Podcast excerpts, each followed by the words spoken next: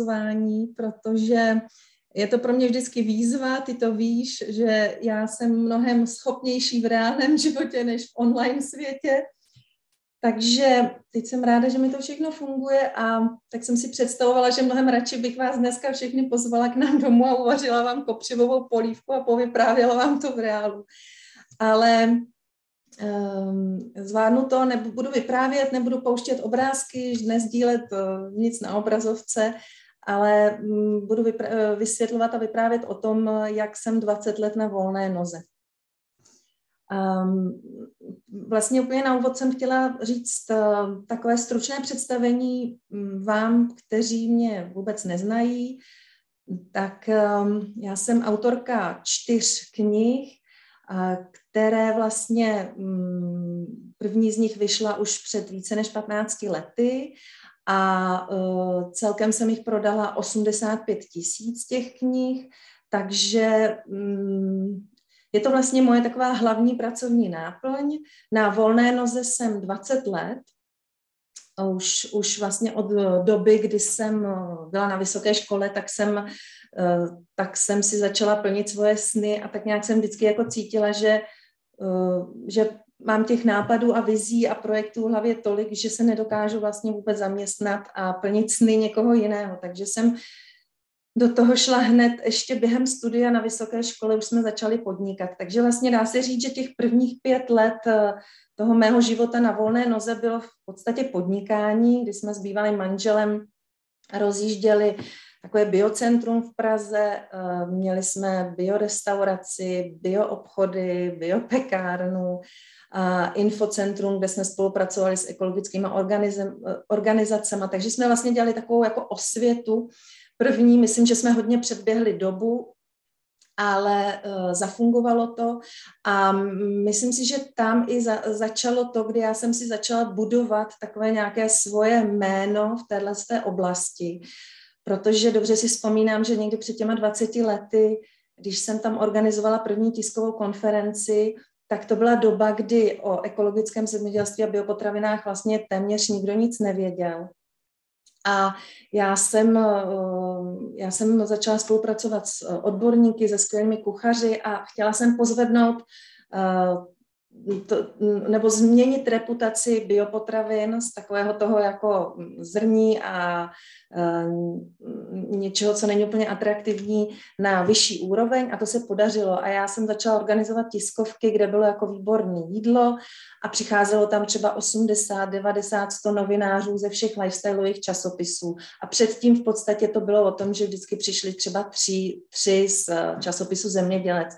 Takže nám se podařilo tehdy před těma to jsme někde v roce 2003. Um, úplně, úplně jako změnit uh, přístup k biopotravinám. A říkám to proto, že to souvisí s tím, jak jsem si jako vlastně vytvářela nějakou svoji osobní značku nebo důvěru v, v moje jméno, protože já jsem vlastně celou dobu hlavně spolupracovala s médii jako tištěnými, protože um, to, to je vlastně v době, kdy jsme začínali takhle a kdy já jsem začínala na volné noze, tak žádné sociální sítě nebyly. Já jsem byla velmi uh, šikovná a schopná uh, právě jako v, uh, v jakémkoliv PRu. A myslím si, že to mělo vlastně jako ten efekt, že já jsem těch knih prodala tolik vlastně bez jediné placené reklamy a bez sociálních sítí. Takže všechno to vlastně šlo přes, eh, eh, přes buď jenom jako PR články, anebo že si lidi předávali v podstatě informaci o kvalitě těch knih. Takže to je takové, jako tady vám jenom ukážu letem světem, tohle je ta fenomenální eh, stará, úplně teď už retro kniha, která, které se prodalo vlastně asi, hm, já nevím, 40 tisíc nebo kolik kusů.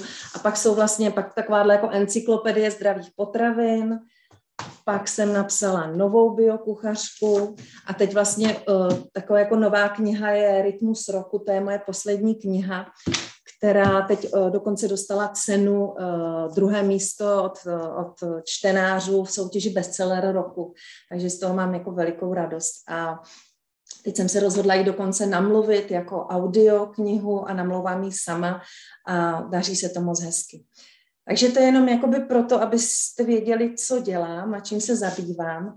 A teď mi přijde důležité vlastně říct ten kontext, v jakým pracuju, protože když um, vlastně ta, ta forma práce se nedá odpojit od vlastně životního stylu, který, který žijeme. Protože jsem uh, vlastně 15 let na venkově, kde máme dvouhektarovou zahradu, sád, máme ovce, slepice, Eh, pěstujeme spousta věcí na zahradě a mm, já jsem taková sběračka, takže sbírám různé plody, suším je, zpracováváme. A to všechno vlastně mi přijde, že je taková vlastně jako eh, velká péče o život eh, a, nebo přirozený život, ale vlastně samozřejmě, že to je obrovská část času, který do, toho, do těchto těch prací věnuju. A tak jsem díky Robertovi a tady to, tohle, tomu našemu setkání vlastně eh, jsem se zamyslela nad tím, eh, jak, eh, jaké by to vlastně bylo, kdybych všechny tyhle věci nedělala. Kdybychom neměli zahradu, kdybych teď ne, nemusela sít semínka na zeleninu, kdybych nezavařovala, kdybych denně nevařila čerstvé jídlo, kdybych uh, nesušila, nesušila šípky a nevařila trnkový syrupy. Tak jsem si říkala, že bych vlastně měla mnohem víc času na, na práci, možná bych dělala mnohem víc webinářů, seminářů, konzultací, poradenství, všeho možného. A um, určitě bych asi měla větší příjem. Ale vlastně já jsem si, si to dala jako uh, vedle sebe a najednou jsem si uvědomila, že bych to nechtěla. A uh, takže opravdu já teďka se věnuju jenom psaní knih a výchově dětí a péči tady o to, o to všechno, co jsem říkala. Protože děti jsou, nejsou už úplně malí, dcera mi 10 až 14 let, takže už to není vůbec tak náročné jako s malýma dětma. Ale psala jsem samozřejmě i v době, kdy byly maličký. A takže vlastně já tu zkušenost toho, že, že jaké to je pracovat vlastně ve velkém výkonu a úplně jako na, na, na maximum mám docela velkou, protože myslím, že do takových svých 37 let jsem vlastně v tomhletom módu žila a jela. Že jsem opravdu jako využívala každou volnou chvilku na psaní. A nebo v první fázi na podnikání, protože když jsme to podnikání rozděli, rozjížděli, tak jsme neměli děti um, a opravdu jsme pracovali sedm dnů v týdnu um, a vlastně pořád téměř bez přestávky. A takže vím, co to vlastně znamená, tady, ten, tady ta práce na plný plyn. A pak, když mi bylo 37, tak přišlo, přišel v mém osobním životě zvrat a prošla jsem velmi těžkým rozvodem. Děti byly roční a pětileté. A já jsem vlastně poprvé v životě se potkala s tím, že musím šetřit sílu a, a hospodařit s energií. A myslím si, že to úplně zásadním způsobem ovlivnilo způsob mý další práce. Dneska to je vlastně nějakých deset let a já najednou uh, opravdu jako pracuji jinak. Uh, a hodně se to, myslím, promítá do, toho, uh, do těch mých knih a do toho, do toho výsledku mé práce. Že vlastně opravdu jsem jako přehodnotila to, že nepracuju v noci, nepracuju pozdě večer, uh, v pracovní době jdu na procházku do lesa, dělám všechny ty věci, hodně dělám věci rukama, hodně jsem ve spojení s půdou, hodně jsem ve spojení s konkrétníma plodama. Samozřejmě děti, děti jsou hodně času, který spolu trávíme. A, a já jsem vlastně zjistila, že za těch deset let mě to dovedlo k tomu, že jsem ve větší rovnováze, že jsem vlastně víc jakoby napojená na, na sama sebe a na, na svoji intuici. A možná vám to úplně jako přes, um, přiblížím na právě rozdílu uh, v tom, jak vznikaly ty jednotlivé knihy.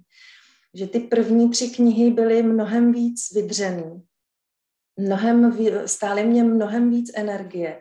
A to i přesto, že ta poslední kniha Rytmus roku je nejtlustší, je to doslova jako obrovská bychle a pracovala jsem na ní tři a půl roku tak vlastně uh, mi nevzala tolik energie, protože uh, opravdu jsem jako cítila, že, že vznikala jinak. A možná právě proto, že jsem byla v lepší, uh, v lepší svý vnitřní síle a v rovnováze, tak vlastně já jsem úplně se nechala vést a já jsem uh, ty první knihy psala tak, že jsem měla přesný plán, přesně jsem věděla, co chci psát a hlava nehlava jsem jako zatím šla, abych tohle jako naplnila. Takže si živě pamatuju, jak uh, jsem měla dítě v kočárku a nohou jsem ho houpala a prodlužovala jsem čas spánku, abych dopsala nějakou kapitolu. A vlastně ta kniha Rytmus roku byla jiná v tom, že já jsem taky měla nejdřív eh, takový přibližnou vizi, ale vlastně neměla jsem vůbec přesný plán, jenom jsem jako věděla, že potřebuju začít dělat třeba časozběrný materiál a nevěděla jsem úplně ještě, kam s tím budu směrovat. A zavolala jsem tehdy svojí nakladatelce a ona mi vlastně říkala, um, ona mi dala důvěru, že v podstatě mi Eh, řekla, fajn, tak eh, budeme prostě sbírej Hanko materiál a uvidíme, co z toho bude, ale věřila mi, že z toho bude nějaká dobrá kniha, ale já jsem přesně plán neměla. Jako kdyby ten plán nevymyslela hlava, ale byla jsem vedená nějakým, nějakou intuicí a, eh, a hlavně důvěrou, že se zase o kousek posunu a budu vědět, jak dál v té knize. A tím to byla naprosto jako nádherný proces tvorby, který mě natolik jako naplňoval a bavil, že že, eh, že já jsem třeba během domácích školy, která myslím si, že nás všichni, co pracujeme domů, doma, nesmírně jako zasáhla, že jo, eh, tím, že jsem tady měla dvě holčičky na domácí škole a měla jsem pár měsíců než, do doby, než jsem měla odevzdat knihu ta, o, o 550 stranách, tak já jsem vlastně najednou propadla panice, že to nikdy nedopíšu. A já jsem si pak jako ale vlastně uvědomila, že mm, tím, že mám méně času na tu práci, takže budu psát jinak. A začala jsem opravdu, i jsem jako, nedržela jsem se toho, té představy, toho plánu, ale vlastně změnila jsem styl psaní. A díky tomu myslím, že se ta, eh, ta kniha má eh, tak krásnou hodnotu, jakou má a že vlastně na lidi působí téměř až tak terapeuticky, protože mi píšou, že, že, že jim dodává klid a radost a to je pro mě asi jako největší odměna. Eh, takže já jsem si přeorganizovala ten čas tak, že třeba jsem ráno vstávala v pět, abych měla dvě hodiny práce na psaní a abych si nasytila to, co nejvíc miluju, a to je to psaní. A pak už jsem se věnovala dětem a různě jsem po chvilkách eh, psala a tak.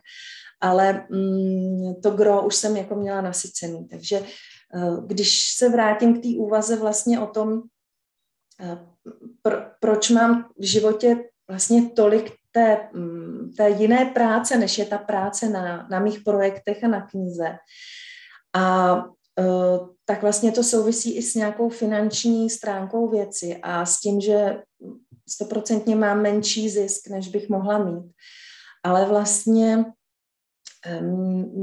já, já já si tam jako to, my, my opravdu ten životní styl máme tak jiný, že vlastně snižujeme dost náklady tím, že žijeme na venkově, že si dost věcí vypěstujeme, že v podstatě nemáme, tím, že mám tak práci, která mě natolik naplňuje, tak já vlastně nemám vůbec potřebu jezdit třeba na dovolené, že já jako vlastně každý den si organizuju tak, abych tu malou dovolenou měla v rámci toho každého dne, abych jako si zašla do lesa nebo udělala nějakou práci na zahradě a odpočinula si od počítače. Ehm, a, a myslím si, že vlastně minimalizuju náklady i takový ty jako na všechny speciální vybavení, na speciální sporty a, a mobily, počítače a všechny ty lákadla, které jsou ve městě, tak vlastně neobměňuju vůbec tak často.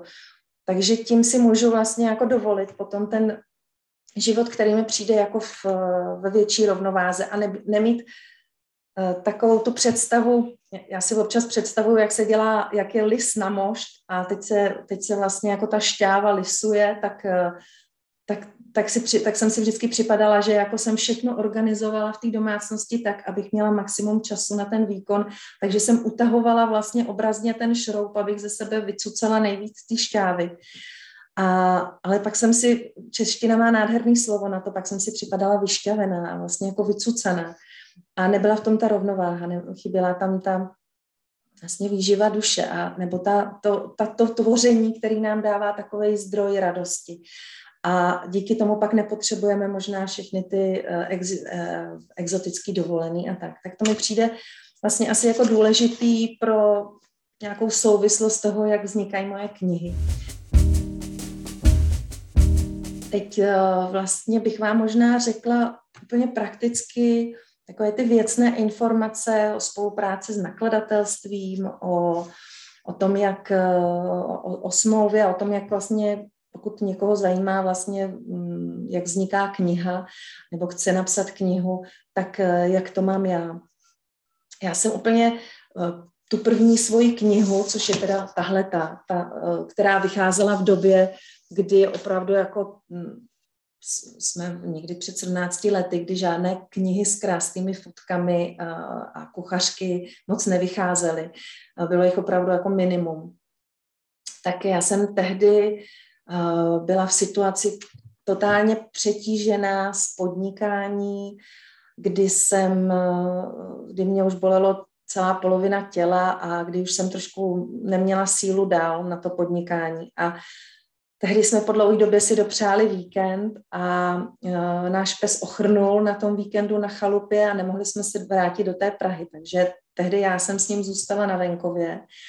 A tak eh, začalo psaní mé první knihy, protože já jsem celou tu, celých těch několik let, co jsme podnikali v biopotravinách, tak jsem stále spolupracovala vlastně s, s novináři a stále jsem o, o, zodpovídala stejné otázky, jako proč je biodražší, jak to souvisí s, s krajinou a tak dále a tak dále, jestli se tomu dá důvěřovat.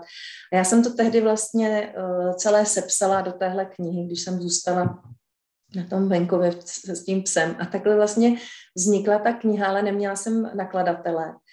A, uh, opravdu ta náhoda byla taková, tak neuvěřitelná, nebo nenáhoda, že se mi ozvala Martina Boledovičová, majitelka nakladatelství Smart Press tehdy, která rozjížděla nakladatelství a v podstatě mi nabídla, jestli u ní nechci udělat knihu, protože o mě četla někde v, v médiích a já jsem tu knihu v podstatě měla hotovou. A ale nakladatelství Smart Press, u, kterých, u, u, u kterého teda vydávám všechny knihy, tehdy úplně bylo v plenkách, myslím, že moje kniha byla druhá, takže začínali. A my, my jsme s Martinou Boledovičovou měli jiný názor trošku na tu knihu. Ona měla představu uh, takové jako levné příručky bez fotek. Já jsem chtěla uh, krásnou knihu plnou fotek, která by která by opravdu jako změnila vnímání lidí, eh, vnímání biopotravin u lidí. A měla jsem, eh, chtěla jsem spolupracovat vlastně i s nejlepšími odborníky a to myslím se prolíná ve všech těch mých knihách, že jsem fotila s Alenou Hrbkovou, což je žena, která jedna z, nej, nejlepších fotografek na jídlo a nejzkušenějších u nás. Měla jsem vynikající grafičku a, a, a i kuchaře, s kterými jsem spolupracovala. Takže vlastně, ale, ale byl tam problém, že vlastně tím vznikaly obrovské náklady a my jsme s Martinou Boladovičovou tehdy se rozhodli, že vlastně půjdeme do toho vztahu uh, společně podnikatelského, takže ne, a tam vznikla naše první smlouva, vlastně, která je která není typicky autorská.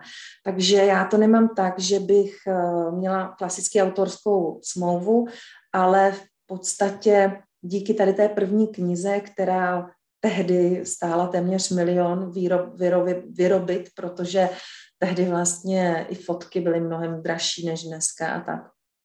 Tak eh, tak jsme se rozhodli, že do toho půjdeme na půl a já jsem tehdy oslovila velké množství výrobců biopotravin nebo různých firm, které se v ekologickém zemědělství pohybovaly a podařilo se mi vlastně tehdy získat veliké množství peněz. A ta kniha se podařila vydat v téhle krásné kvalitě.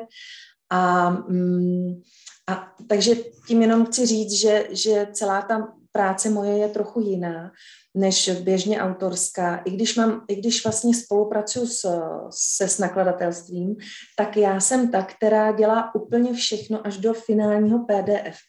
Že já vlastně uh, vím doslova o každé fotce, každém slově a moje práce končí tím, když je hotové PDF, eh, včetně všeho v podstatě jako korektur, fotek a všeho a je to připravené k tisku a v tu chvíli já to předávám nakladatelství a e, nakladatelství pak dělá tu práci, že teda knihu e, distribuje a společně děláme propagaci a tak.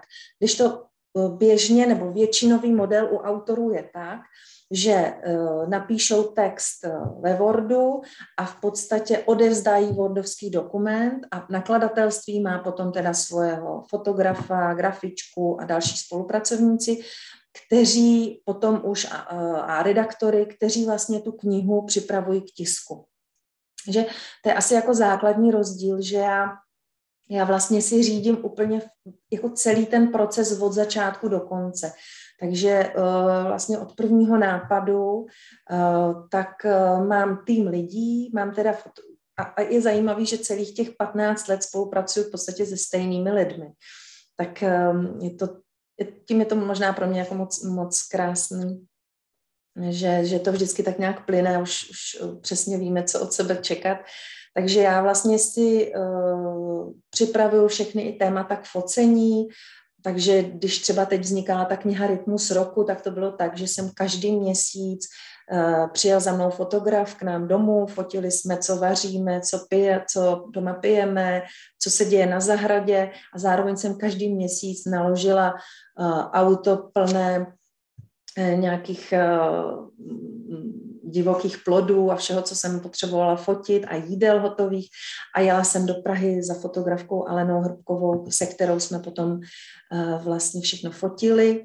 A mm, když takhle to probíhalo téměř dva roky, kdy jsem sbírala ten obrazový časozběrný materiál a k tomu psala, pak vlastně spolupracuju takhle aktivně s grafičkou, s kterou v podstatě ladím každou stránku tak spolupracuju s jazykovými korektorama a nakonec teda to, to odevzdám. Takže pro mě je to opravdu ta tvorba od A do Z a možná i proto taky vlastně já každou, ta, každá ta kniha vzniká třeba dva a půl, tři roky, protože eh, je to opravdu poctivá, velmi poctivá práce.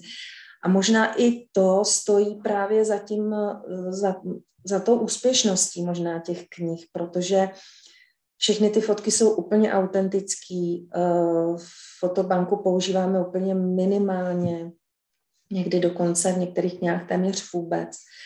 Ehm, a mm, já vlastně jsem původem vystudovaná učitelka, takže je možný, že to pedagogické vzdělání já jsem nikdy neučila, ale je, je pravda, že celý život vlastně učím eh, ne děti, ale lidi, jak eh, žít eh, zdravěji a víc v kontextu s moudrostí přírody. Tak vlastně možná já ty složit, já vždycky všechny ty složité informace a vědecké studie jako hodně dohloubky nastuduju a pak to srozumitelnou formou předávám dál a vždycky se obklopuju jako skvělýma lidma a odborníkama, takže třeba i v té knize Rytmus roku jsem eh, jsem eh, chtěla spolupracovat s několika lékařkami, s několika mm, bylinkářkami, protože dneska se v knihách, eh, tak jako na internetu, šíří obrovské množství různých dezinformací. A mm, já, já jsem chtěla, aby to tak, to, to tak jako nebylo tak jsem, takže opravdu jako jsem si, si vzala jako partnery k té knize lékařky, se kterými jsem vlastně konzultovala každý měsíc různé věci.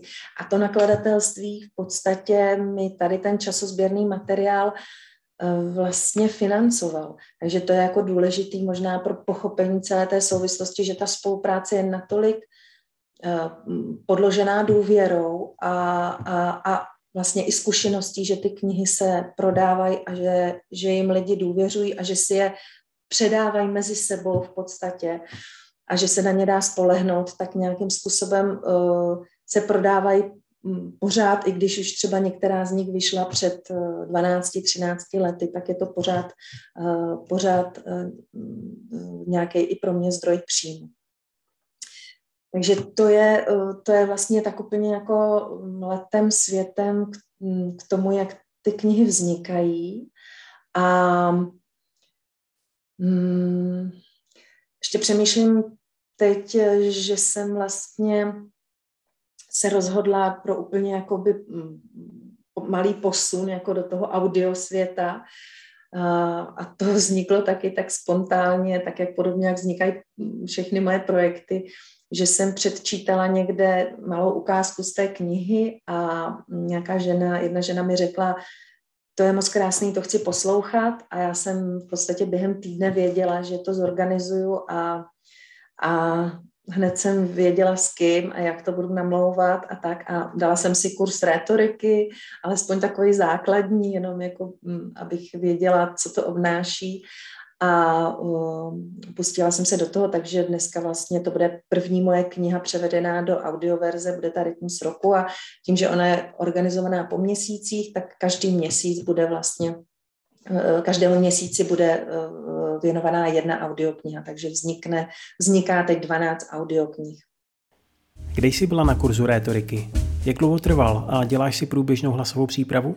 Tak eh, to je úplně, eh, to je téma, v kterém jsem úplně nejmenší eh, odborník a je to úplně nová, aktuální moje zkušenost, ale jenom možná to ukazuje, jakým způsobem pracuju, že vlastně vždycky se snažím jít do toho tak nějak jako naplno. Já jsem nejdřív zkusila si namluvit první měsíc bez jakékoliv průpravy a v podstatě jsem zjistila, že to že to má svoje rezervy, že, že, mm, že to není úplně jako dobrý, nebo že to nemá úplně tu energii, kterou bych chtěla. A, mm, a pak jsem neměla žádný profesionální kurz, ale moje kamarádka vystudovala uh, Radka Mišková, která se zabývá audio, video, uh, také víceméně částečně na, na volné noze tak vlastně uh, mi udělala takový speciálně pro mě na míru kurz na několik hodin a dala mi praktické jako různé doporučení, ale musím říct, že těch asi tři, čtyři hodiny, který, které jsme spolu na tom strávili, jako posunulo to čtení o víc než o 100%, jako, nebo úplně jako diametrálně.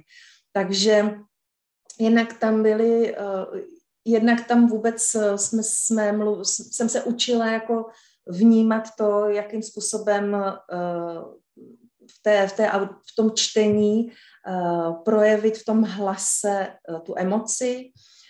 Učila jsem se o tom, jak každé slovo má právo na život a jak je třeba dobře artikulovat a vyslovovat, jakým způsobem, jaký význam má pauza a ticho pro zvýraznění jako určitého Eh, určité významu třeba nebo zdůraznění. Eh, a potom mám spousta takových cvičení, které když jdeme natáčet, tak si je, tak si je dělám jako mm, tady jako jedno z nich je, že se různý dělá jako různý druh dechu a různě se dělají takový ty jako Ouvex a, a vezme se do pusy mrkev a čte se text s mrkví nebo se špuntem od vína a tím se vlastně uvolní ty svaly. Ale mm, takže těch technik je celá řada. Ale myslím si, že pro mě to bylo, eh, pro mě bylo hlavní to, že jsem se přestala bát uh, projevit a, a dát do toho tu emoci, jako opravdu tu knihu vyprávět, aby, um, aby zaujal jenom ten hlas i bez těch obrázků, protože největší síla té knihy jsou prostě překrásné fotografie. To je kniha, která je doslova jako, jako um, jako srdce se raduje nad těma fotkama, takže já jsem potřebovala vlastně dá, eh, to přenést, tuhle atmosféru té knihy i, i, i svým hlasem.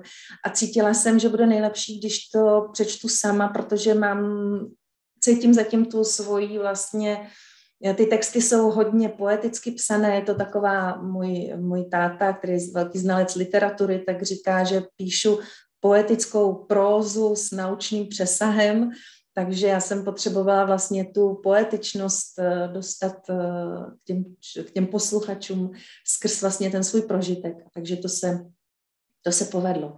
Nebo daří se to a je to ještě celý podložený takovým krásným pianem, takže protože můj švagr je hudebník, tak mi k tomu nahrál piano a hm, takže má to i podtext jako no, podkreslení hudbou.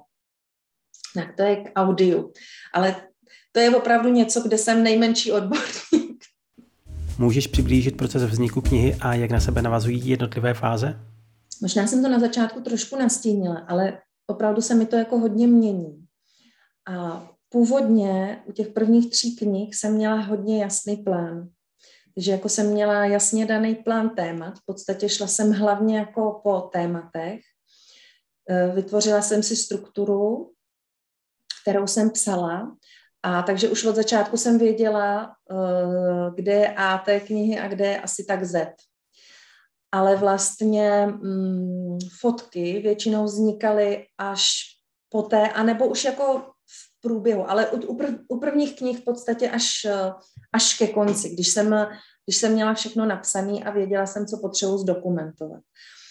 Eh, důležité je říct, že všechny ty moje knihy jsou spůlky vždycky nějaké čtení a spolky jsou to kuchařky. Takže nejsou to kuchařky jako sami o sobě, ale je tam vždycky třeba 80 receptů. Takže to, vždycky to gro bylo vlastně to focení těch receptů. Takže vlastně uh, většinou ty uh, fotky vznikaly jako jakýsi ilustrační doprovod těch témat, o kterých jsem psala, ale většinou až po, po napsání. A fotky eh, receptů průběžně většinou, protože když jich je 80 a na jeden den focení třeba zvládneme sedm jídel s tou eh, profesionální fotografkou a to je jako maximum, tak eh, vlastně to musím mít. A, a, a navíc já vždycky fotím tak, abychom mohli tu sezónu nechat vstoupit a, a, a promluvit na těch fotkách. To znamená, že já jenom snad první knihu, kdy jsem s tím neměla vůbec zkušenosti, tak jsme fotili všechny recepty v létě. Ale pak ty další knihy už jsme měli to focení rozvržené do celého roku, právě proto, aby ty talíře, aby ty fotky těch talířů přímo mluvily už sami za sebe, aby bylo jasné, co tam je za, za dekorace, jaký tam používám byliny, zeleniny, suroviny, aby i bez toho, aniž by lidi moc četli ty informace kolem, tak aby viděli, že je to jídlo buď zimní nebo letní. A, a přímo z té fotky. Takže to jsem se skrz ty čtyři knihy, jak vznikaly, postupně učila, jak, jak tam musí ta opravdovost být na, tom, na té fotce vidět. Až postupně, když vemu, jak, vznikají ty, jak vznikaly fotky u té poslední knihy, téhle, té, té Rytmus roku, tak tam, to, tam fotky vznikaly dva roky, naprosto v průběžně toho, jak jsem psala. To vůbec nebylo tak, já, já jsem totiž, uh, ta kniha byla jiná tím, že já jsem vůbec nevěděla na začátku to A ani to Z. Já jsem začala nějakou vizí, že potřebuju časozběrný materiál a začala jsem ho sbírat. Takže v podstatě tahle kniha začala focením, což, uh, což bylo pro mě Eh, zvláštní a nepochopitelný, protože eh, ty, ostat, ty dřívější knihy byly vlastně obráceny. Já jsem měla, já jsem eh, měla časozběrný materiál a v průběhu toho, když jsem vlastně uh, jsem začala psát ty témata. Takže já jsem, ono to byl, uh, ono by se to dalo převést trošku třeba na nějaký jako cestopis nebo něco takového. Já jsem zachycovala uh, vždycky v tom daném měsíci co prožíváme, co, co se děje v přírodě, co je, ta, ta kniha je celá vlastně o tom, jak, eh, jaké pomocné ruky nám dává příroda, nebo pomocnou ruku nám podává nejbližší příroda, kterou jsme obklopení. A já jsem vždycky, eh, abych to napsala úplně jako, abych dobře zachytila jako ten moment toho, co jsem chtěla zachytit, tak já jsem psala vždycky v tom daném měsíci. Takže třeba leden jsem, eh, nebo témata spojená s lednem v té knize jsem psala jenom v lednu. A, a takhle to bylo, to jsem, já jsem nemohla v zimě psát o létě. Takže ta kniha nemohla, ona vznikla tak dlouho i proto, že se na ní jakoby nic nedalo urychlit.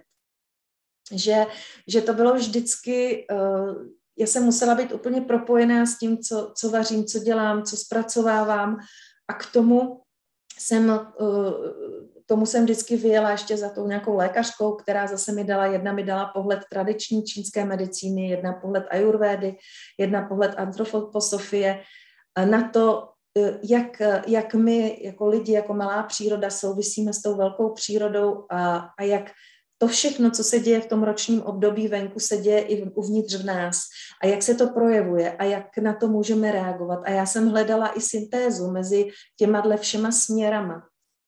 A, ale vždycky jsem to téma toho měsíce, včetně jak focení, tak psaní, se odehrávalo v tom měsíci.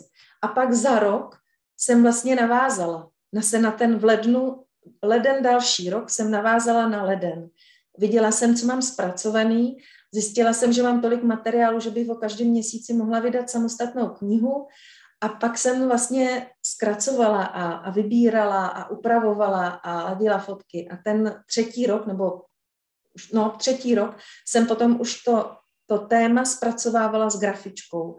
Takže vlastně jakoby zase jsem v lednu zpracovala leden, ale už do té finální podoby. Takže v průběhu ledna loňského roku vlastně jsme s grafičkou měli hotový v podstatě celý leden té knihy. A takhle jsme pokračovali dál. Takže to bylo, to, to byla taková um, takový fakt živý proces vlastně, no. Máš u focení i kuchaře nebo jídlo přivezeš už připravené? Eh, hodně se to liší a já jsem, já už to mám jako tolik zkušeností, že, eh, že hodně věcí předpřipravuju doma, takže přesně vím, co připravit, abych urychlila vlastně to focení, protože mám vždycky kuchařku, eh, teda mám vždycky uh, food stylistku a mám fotografku, ale pracujeme spolu prostě 10-12 let, takže jsme naprosto sehraný, takže já vím, že když přijedu v 10 do Prahy nebo v půl desáté, tak jedeme, dokud je světlo a v podstatě tak trošku bez, bez zastavení a úplně jedno navazuje na druhé. Takže díky tomu jsme schopni udělat tolik fotek. A vždycky ještě fotografce do toho podstrkávám různé malé fotky, takové ty jako zátiší, na co nepotřebujeme food stylistku, jako když tam je chleba s klíčkama nebo prostě nějaká bylina ve vodě nebo tak tak to já mám vždycky přesně připravený seznam, co fotíme a ještě seznam fotek, co kdyby vyšel čas, tak co tam podstrčím fotografce, abychom, abychom se jako posunuli, protože prostě takováhle bychle o 550 stranách, prostě to je obrovské množství focení.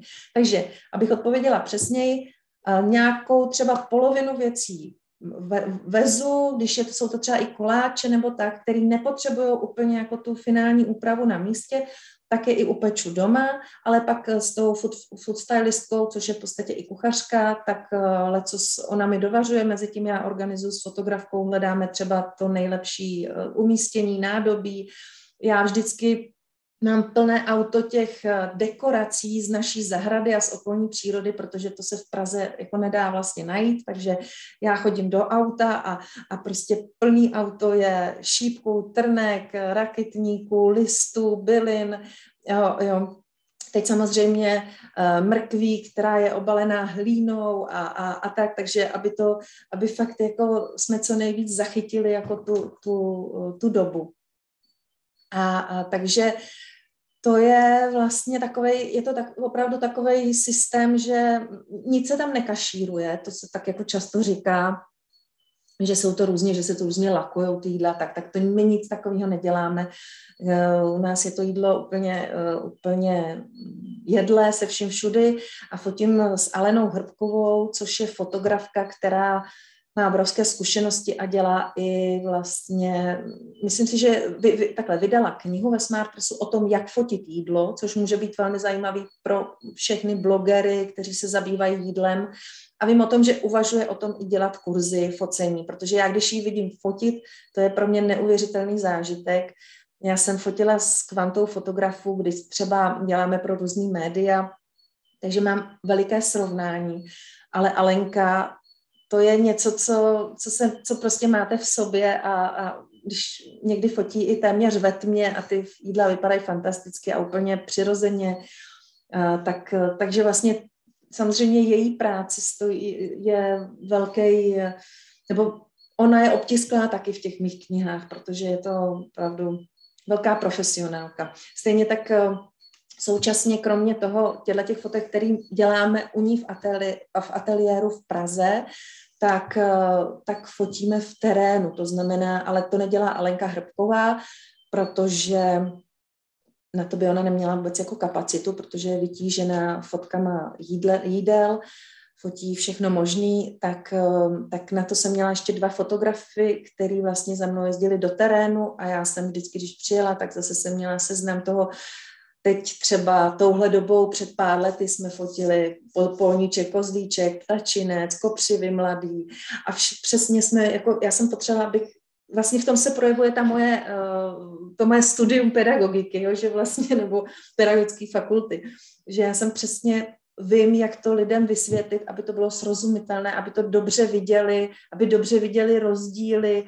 Když nepozná jednu bylinu, tak ji jsme ji nafotili uh, teď v březnu a nafotili jsme ji i v květnu, aby viděli, jak si, jak si mohou vlastně poznat, jestli to je ona nebo ne. Takže uh, to je prostě takový, takový proces focení nádherný. Je to vlastně celý, je to tvorba, takže pro mě ta tvorba není jenom to psaní, ale i tohle, když tady všude lezu po, po zahradě a, a nakládám to do auta, to všechno je, eh, jo, nebo když vlastně, když já nevím, sérii šípků nebo pampelišek, tak trhám pampeliškový kořeny, aby byly obalený hlínou, nebo šípkovou marmeládu uvařím domů a přivezu to potom, třeba uvařím doma, ale přivezu to k Alence už v různé fázi rozpracování, takže mám v jedné sklenici šípky rozvařený, v jedné přepasírovaný, v jedné celý, abychom to tam vlastně už velmi jednoduše všechno představili a, a lidi viděli všechny ty fáze. Co se ti osvědčilo při propagaci knihy a jak ji dostat k těm správným lidem? Já děkuji za tu otázku. A sama vlastně, eh, sama na ní hledám odpovědi, jo. Protože eh, je, já si myslím, že se mi podařilo v době tištěných médií si vytvořit nějakou svoji, já nevím, jak, jak tomu říkáte odborně, nějaký ten svůj osobní kapitál nebo prostě značku, svoje dobrý jméno. A mm, to se se mnou jako nese.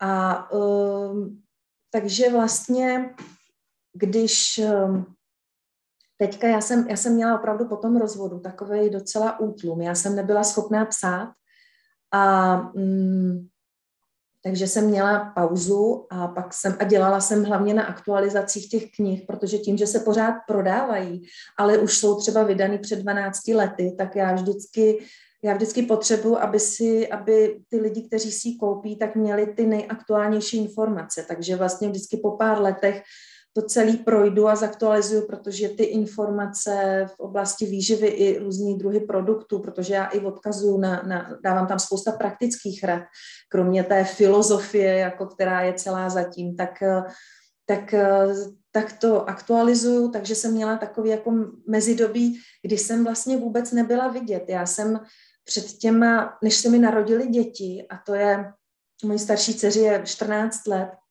tak já jsem byla hrozně moc vidět v té době, jo, včetně jako televize, médií a tak, ale vlastně pak jsem se stala maminkou, tak to jsem se utlumila trochu a pak jsem vlastně uh, po tom rozvodu jsem se úplně jako utichla a mě tím pádem, já jsem prošvihla vlastně nástup těch sociálních sítí a já už jsem se, já už jsem se do nich nikdy nenapojila, takže já vlastně, já to s nima neumím a ani nějak na ně neumím mít čas, nebo prostě ne, ne, nerozumím, um, že já opravdu jakoby tu propagaci přes sociální sítě mám velmi slabou. Něco dělá nakladatelství SmartPress, ale um, jako tam si myslím, že opravdu moje síla není. Já Instagram jsem si založila v době, kdy byl covid a domácí škola a chtěla jsem a měla jsem rozpracovanou tu knihu Rytmus roku a už mi přišlo líto, že vlastně že pořád ji nedáváme k lidem, takže jsem si říkala, no to s domácí školou bude trvat zase další rok, tak já, já dám už lidem aspoň něco přečíst, protože jsem měla plný počítač těch nádherných textů a nádherných fotek. Tak na základě toho jsem si asi, já nevím, to dva roky založila Instagram, tak to je jediný, co mám, ale vlastně nemám ani Facebook. Takže v tom jako moje silná stránka určitě není. To jako vím. Ale v čem je ta silná stránka je, tak si fakt myslím, že je to dobrý jméno těch 20 let spolupráce s tištěnými médii. Pak si myslím, že mm, to se projevilo třeba i při tom podnikání, protože když jsme s mým mužem, nejdřív jsme měli tu firmu Albio a potom jsme zakládali biopekárnu Zemanka a když vlastně jsme ji rozjížděli, tak já jsem měla tak velkou databázi médií, s kterými jsem měla velmi jako poctivý vztah, eh, řeknu, a, a osobní a vždycky jsem jim dělala neuvěřitelně jako dobrý materiály, a což uh, novinářům usnadňuje život. Vždycky měli nádherné fotky, vždycky měli skvělé texty, všechno, co potřebovali, takže vlastně velmi jednoduše to jako překlápěli do těch médií. Tak my jsme najednou i v té Zemance jako ze začátku téměř nepotřebovali vůbec vynakládat peníze na, na reklamu, protože těch prvních letech, kdy jsem tam ještě působila, tak vlastně to všechno jelo na základě toho, že já jsem, já jsem oslovila média a všichni nám vlastně jako otiskli eh, tiskové zprávy. A eh, nebo když vyšla teď kniha Rytmus roku, tak ehm, dělali jsme křest a tiskovou konferenci se Smart Pressem, tak nám prostě přijde třeba 80 médií. A takže já tam mám vlastně jako tady, tady tuhle tu hodnotu, která vlastně i když se to zdá, že tištěná média nefungují, tak oni se, že tím, že se překlápí na, na, na, na, ten online prostor, tak zřejmě pořád to nějakým způsobem jako funguje. Ale já si myslím, že mám obrovský nevyužitý potenciál jako v tom, uh, v té propagaci, jo, protože já bych že mohla dělat jako různý, psát blogy a, a, a komunikovat na, na, na sítích a dělat kurzy a, a to všechno by jako otevíralo uh, zase prostor pro oslovení, oslovení dalších lidí, že jo? ale takže já spíš jako vidím, že tohle tam jako funguje a teď třeba jsme se měli strach udělat větší náklad, my jsme většinou tiskli vždycky ten první náklad 10 tisíc kusů. A teď jsme měli strach, protože ta kniha je drahá. Je to kniha za tisíc korun, to poslední. A, eh, a byla nesmírně nákladná, že jo? tím, jak dlouho vznikala a kolik odborníků do toho bylo zapojených. A tak jsme s nakladatelkou se trošku báli té ceny, co to udělá, tak jsme vlastně jako ti, vytiskli uh, jenom 6 tisíc kusů. A uh, a zase a neudělali jsme v podstatě kromě základních oslovení médií nic jiného. A, uh, a já jsem to dala na Instagram, a kde nemám ale žádný jako obrovský množství lidí, takže um, a my jsme během tří měsíců prodali těch 6 tisíc kusů a teď už jsme museli dotiskávat a bohužel dotiskáváme teď teda o 30% s dražšíma nákladama. No. Ale uh, takže i přes tu vysokou cenu, já si myslím, že prostě lidi mají důvěru v to, že lidi mají důvěru v kvalitu těch informací, které v těch knihách jsou. A to je možná asi to nejvíc, že jsem vždycky psala a všechny moje výstupy jsou absolutně poctivý, upřímný, eh, plný mých osobních zkušeností, který, já nejsem vlastně jako v ničem rychlokvaška, co se týče těch výstupů. Takže možná to lidi z toho cítí a možná i cítí tu obrovskou radost, s jakou já pracuji, protože pro mě je to vždycky jako zavřít se do pracovny a mít možnost chvíli psát, tak to je jako, že jsem odjela na dovolenou a vracím se občerstvená a, a šťastná. Tak a možná tohle v těch knihách je obtisklý. Já jinak vlastně nevím, já na to recept nemám. Živí tě výhradně knihy nebo i další aktivity? Určitě ten, pro tu finanční představu je důležitý ten kontext. Eh, živí mě knihy, a i, ale je pravda, že je potřeba, nebo je potřeba říct, že ty moje náklady jsou snížený. To, co všechno jsem vyprávěla na začátku, že to nejde jako úplně odpojit, že já vlastně uh, uh, spousta peněz vlastně jako ušetříme tím, co si vypěstujeme, co si zavaříme, když si na celou zimu navaříme rajčatové, zavaříme rajčatové omáčky, tak je pak celou zimu nekupuju. nekupuju. Stejně tak nekupujeme uh, skoro žádné čaje a tak dál. Takže to je, uh, a já nevím, jestli bych se uživila knihama, kdybych měla ten životní standard takový, že bych potřebovala jezdit dvakrát ročně na exotickou dovolenou a nebo, hm, já nevím, na lyže a, a dělala golf a, a dělala spousta jiných uh, speciálních aktivit a tak. Já mám prostě uh, aktivity, které jsou velmi levné a nenákladné, že chodím prostě do lesa a na zahradu a to vlastně mi nic nestojí, takže můžu říct, že mě knihy živí, jo, ale je to vlastně o tom životním standardu. A uh, pak ale součástí uh, je důležité ještě říct, že vlastně na sobě nemám žádnou velkou hypotéku, protože v rámci rozvodového vypořádání prostě mému manželovi zůstala biopekárna Zemanka a já jsem zůstala s dětmi vlastně v domě, tím pádem bez hypotéky. Takže to si myslím, že pro každého na volné noze je obrovské osvobození, protože to je potom vlastně jako to je ten největší, největší náklad. A pokud já, ne, já nemám žádnou potřebu obměňovat mobily, auta a, a, a další věci, tak, eh, tak jsem s ním úplně jako eh, v pohodě. A je neuvěřitelný, že vlastně opravdu ty knihy mě živějí tak, že že vlastně můžeme žít docela na hezký jako úrovni. Ale je to prostě součást rozpočtu, není to část hm, Část rozpočtu je partner, část rozpočtu jsem já, část rozpočtu jsou alimenty, který, který mám, ale uh, i ty knihy, i která, já nevím, třeba nová biokuchařka, která vyšla, kdy to ona vyšla? Tady v roce 2016. Tak vlastně do dneška já s ní mám příjem je vlastně tím, že se ty knihy pořád prodávají, tak já každý měsíc mám ze všech těch knih nějaký příjem. A, a, a tím, že já mám speciální smlouvu s nakladatelstvím, já nemám eh, prostě 10% z prodeje, tím, že já jsem na začátku do toho šla vlastně jako spolupodnikatelka, nebo dalo by se říct, že jsme nesli společně to riziko, protože jsme nevěděli, jestli ta první kniha na tom trhu uspěje a stála nás příliš hodně peněz. A ta nakladatelka nechtěla do toho rizika jít sama. A mně se podařilo ty finance uh, najít u, uh, u těch vlastně firem, a to ještě jsem byla velmi omezená tím, koho oslovit, protože já nemůžu na inzerci nebo jako partnery oslovovat firmy, které nějak nesouvisí s tím, o čem píšou, o, o čem já píšu. Vlastně já můžu oslovovat jenom firmy, kteří, které se pohybují na, v oblasti ekologického zemědělství, biopotravin, které dělají přírodní kosmetiku a nebo cokoliv, co nepoškozuje lidské zdraví a přírodu. Já vlastně nemůžu, ne, já, já nemůžu oslovit jako, jako kohokoliv.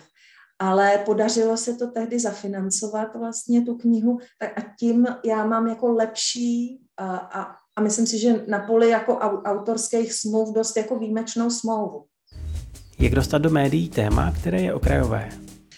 Um, je pravda, že já jsem i dokonce přemýšlela o tom, že v té prvních, eh, v těch z těch 20 let na volné noze jsem těch prvních pět let byla spíš podnikatelka, než že bych psala, ale já jsem vlastně cel, celou, celou tu dobu dělala, jsem si, pro sebe jsem si to nazvala tak, jako že jsem byla mluvčí biopotravin jo, a mluvčí ekologického zemědělství. Protože já jsem obrovské množství času z toho, co bych se potřebovala věnovat podnikání, tak najednou se ukázalo, že já jako do noci a pořád jsem vlastně dělala různé tiskové zprávy a, a, a rozhovory a články do novin. A mě to ubíralo ob, hodně času z toho podnikání. Takže, mm, ale to byla doba, kdy jsem měla dost energie a myslela jsem si, že ji mám neomezenou a tak prostě člověk je mladý a nemá děti, tak eh, se často eh, zdevastuje takovým způsobem. Ale jak jsem postupovala, tak eh, je, nasadím to na jídlo, protože to, je, to tam na tom bylo nej, nejvíc uchopitelné. My, my jsme vlastně spustili podnikatelský projekt a téma biopotraviny, ekologické zemědělství jsme chtěli dostat uh, mezi lidi. Jsme v roce 2002, kdy opravdu, kdy, to, kdy to bylo tak, že kolem výloh uh, těch našich bioprodeje nebo biorestaurace chodili lidé a říkali, jo, to je to nějaký bio, to, to je sojový řízek, nebo to je to zrní a to jsou ty klíčky. Tak to bylo tak všechno, co se vlastně o tom vědělo. A mm, vůbec, vůbec se netušilo, že je to maso, že, že je to slanina, že to může být víno, že je to prostě to nejnormálnější jídlo, které příroda stvořila a, a které by vlastně žádnou nálepku mít nemělo, protože je normální. A tohle já jsem začala vysvětlovat a do dneška to vlastně teda ale vysvětluju. A i když si myslím, že, ty, že ta informovanost je po těch 15-20 letech úplně dneska jinde a možná i těch informací až příliš hodně. Takže já jsem měla výhodnou polohu v tom, že ne, nebyly žádné informace a že si myslím, že to začal, začínalo být zaj, zajímavé pro lidi. No a já jsem to začala dělat prostě atraktivní formou. Um, že když to třeba ukážu na tom jídle, tak, já, tak když jsem šla na nějakou tiskovku dřív, eh, než já jsem je začala organizovat, tak tam většinou bylo několik farmářů nebo různých eh, představitelů ekologického zemědělství, mužů, eh, kteří vlastně nebylo tam většinou žádné občerstvení nebo takové, které bylo úplně neatraktivní, jak vizuálně, tak chuťově. A většinou to bylo i v takových neúplně atraktivních prostorech. A prostě tohle všechno si myslím, že sehrálo roli, že my jsme najednou měli krásnou restauraci, možná si někdo bude vzpomene Albio v Truhlářské ulici, a e, tam jsem pozvala zajímavé farmáře a já sama jsem tam e, vyprávěla o, o, tom, o, o tom, co, bio, co biopotraviny představují, ale hlavně jsme vždycky udělali prostě krásné občerstvení, které hrálo všema barvama. Z pohledu dneška je to naprosto jako dneska normální kvalita, e, že je to krásný, že tam jsou byliny, že jsou tam jedlí kytky. Před, před těmi 20 lety to bylo naprostý zjevení, a teď eh, ty novináři ochutnávali a na vlastní kůži jako zažili ten, ten prožitek, že je to výborný, že je to krásný, že, eh, že co je zdravý, to může být lahodný. A to, to byl, myslím, že úspěch těch tiskových konferencí a i, mé, i té mé první knihy. Že něco, co, se, před, co lidé předpokládali, že je Eh, že je jako trochu nechutný a že je to vlastně dieta a že se přitom nedá žít, tak my jsme jako ukázali, že je to lahodný, krásný, že to je i maso, že to, že to jde napříč veškerýma potravinami, že to není žádná dieta a že, že, že to není žádné, že nijak jako omezující, ale dali jsme možná těm novinářům opravdu jako pocítit a ochutnat ten prožitek. A vždycky to bylo tehdy o tom, že přišli, měli, měli občerstvení, měli vždycky, vždycky dostali sebou i různé jako na ochutnávku jako pro potraviny a vždycky hlavně dostali, tehdy se dělali preskyty, to je opravdu historie, jo, jako vždycky dostali krásně zpracovaný téma, dostali k dispozici fotky profesionální, takže oni to potom jako velmi jednoduše překlopili a věděli, najednou já jsem pro ně začala být záruka, že jakoukoliv informaci jim poskytnu, tak oni věděli, že mají prostě nádherný materiály a důvěryhodný, protože já jsem ještě vždycky nechala jako promluvit i odborníky z různých stran, který, kteří by si třeba mohli i protiřečit. Jo, ale našli jsme vždycky nějakou, ně, něco, na čem se všichni shodnou. Takže možná to bylo fakt o tom, že takhle vznikala ta jako důvěra uh, médií a na tom, na tom jsem to potom vlastně stavila už celý. No. A stejně tak vznikalo, stejně tak to vznikalo i u Zemanky. Vlastně byla to, byly to dokonale vyladěných devět druhů sušenek, který měli jako krásný obal a když, na, když k nám přijel zájezd s, novinářemi, s novináři, tak všichni dostali ochutnat, všichni si to celý prošli, všichni dostali sebou sušenky, dostali nádherné fotky z výroby, zároveň tam to nebylo jenom čistá propagace, ale vždycky se něco dozvěděli. To znamená, vždycky se dozvěděli o tom, já nevím, co je to špalda, proč, má, proč je něco bezlepkového, jestli je bezlepková dieta jenom móda. Vždycky to bylo jako eh, povznesený ještě o něco zajímavého, že to nebylo jenom jako ten obchodní spolupráce. Když třeba si vzpomínám teďka, když jsme dělali tiskovou konferenci k, k nové biokuchařce, což byla takové jakoby, jakoby aktualizovaná verze té staré kuchařky, která, vznik, která ale už reagovala ta první reagovala na naprostý nedostatek informací a tahle druhá už reagovala na to, že těch informací bylo tolik, že lidi začali být naprosto dezorientovaní, co vlastně mají jíst. Já jsem tou knihou, knihou na tohle reagovala. A já jsem tehdy vlastně, takže to byla jakoby po deseti letech vydaná eh, ta stejná kniha, ale v podstatě úplně předělaná do nové verze. A já jsem vlastně i celou tu tiskovou konferenci tehdy jako pojmula tak, že jako co se za těch deset let změnilo v různých oblastech. Takže jsem tam měla špičkového šéfkuchaře, který vysvětloval těm novinářům, kam se posunula gastronomie za deset let. Tak jsem tam měla Margit Slimákovou, která vysvětlovala, jak se posunula eh, věda o výživě za těch deset let.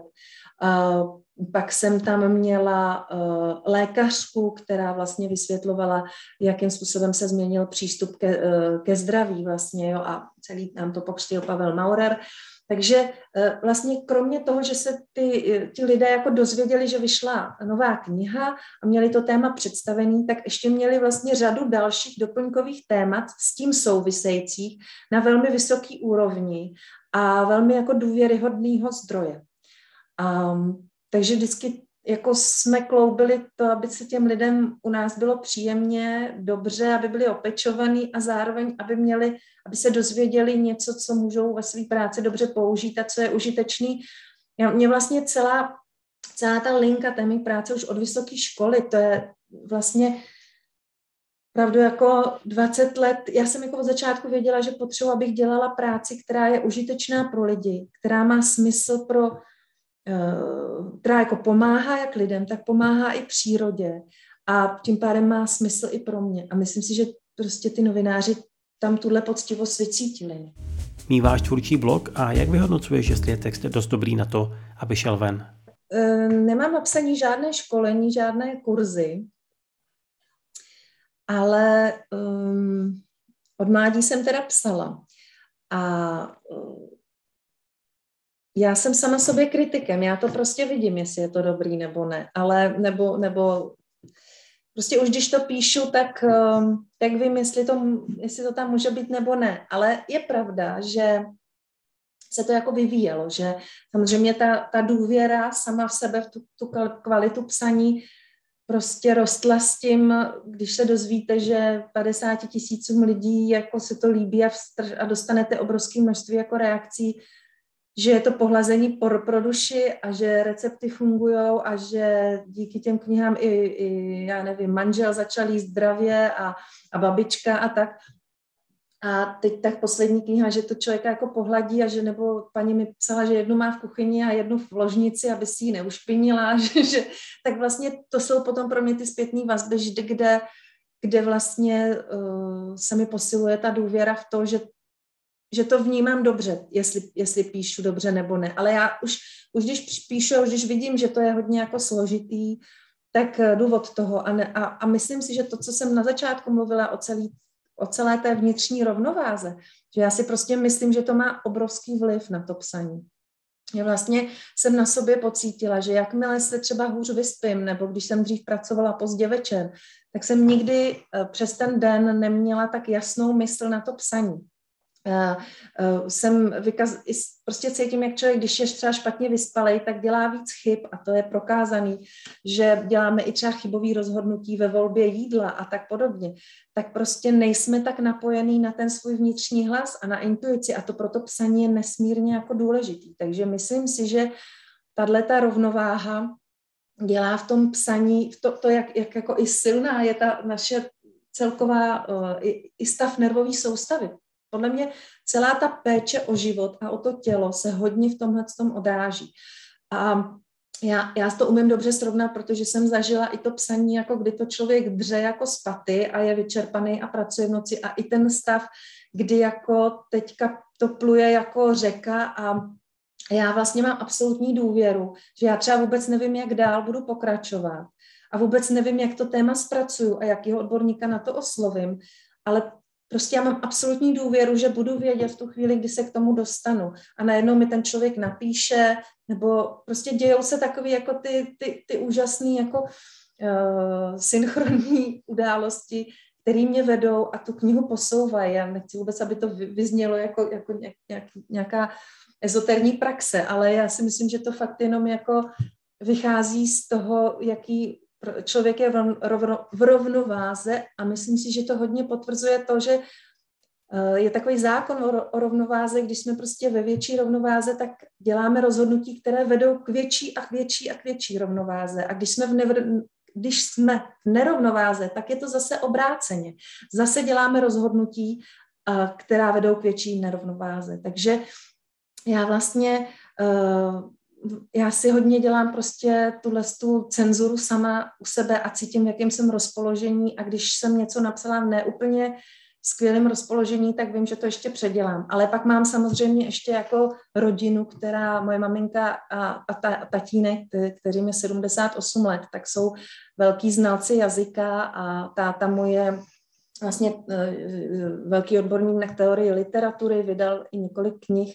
Maminka celý život pracovala jako zahraniční redaktorka v rozhlase, takže oni jsou moji první čtenáři. To je jako pravda, že vlastně oni dělají první kritický čtení. Hlavně teda ma, moje maminka která mi vždycky dá zpětnou vazbu skvělou. Takže i teď, když slyšela moji první audioknihu, tak eh, nejdřív mi řekla, že to jako není úplně dobrý, že jsem jak uspávač hadů. A pak, eh, když slyšela tu druhou potom, co jsem prošla nějakým tímhle s tím kurzem a co jsem to úplně jinak na to přistoupila, tak vlastně z toho, tak jsem mě i vodní měla jako skvělou zpětnou vazbu. Takže takhle, eh, to je asi taková jako hlavní kritická nějaká jako, mm, já nevím, brána, která to pouští dál, ale myslím si, že já stejně ani k ním nepustím text, o kterém si stoprocentně nejsem jistá, že je prostě dobrý.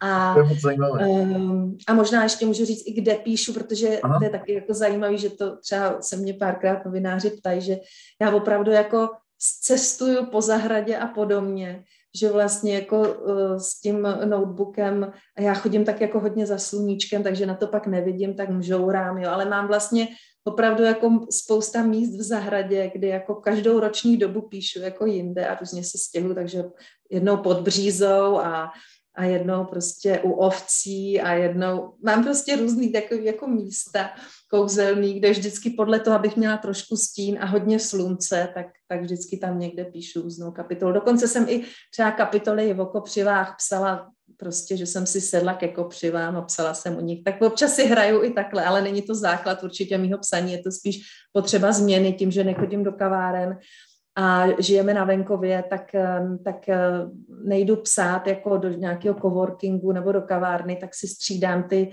místa různě takhle jako v krajině. Kolik času trávíš vařením?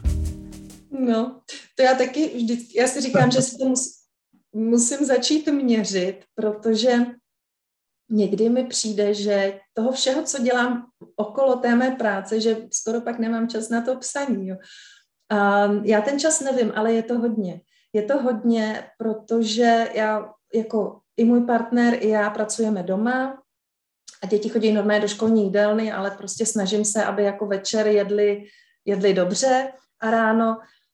Takže já si myslím, že to je fakt jako spíš v rámci hodin. A uh, když potom je sezóna, když se zpracovává cokoliv, a, a, a nebo suší a tak, tak, tak prostě je to i víc těch hodin. A je to, je to prostě velká část našeho života. A já si myslím, že hodně jsem o tom přemýšlela teďka, že uh, protože jede teďka hodně rozhovorů k té nové knize, takže sem jezdí hodně novinářů a vždycky, uh, vždycky dostanu vlastně podobnou otázku a ta je o tom jako, no Hanko, ale není potřeba, že ho strávit v té kuchyni za stolik času a můžeme jíst dobře, že jo.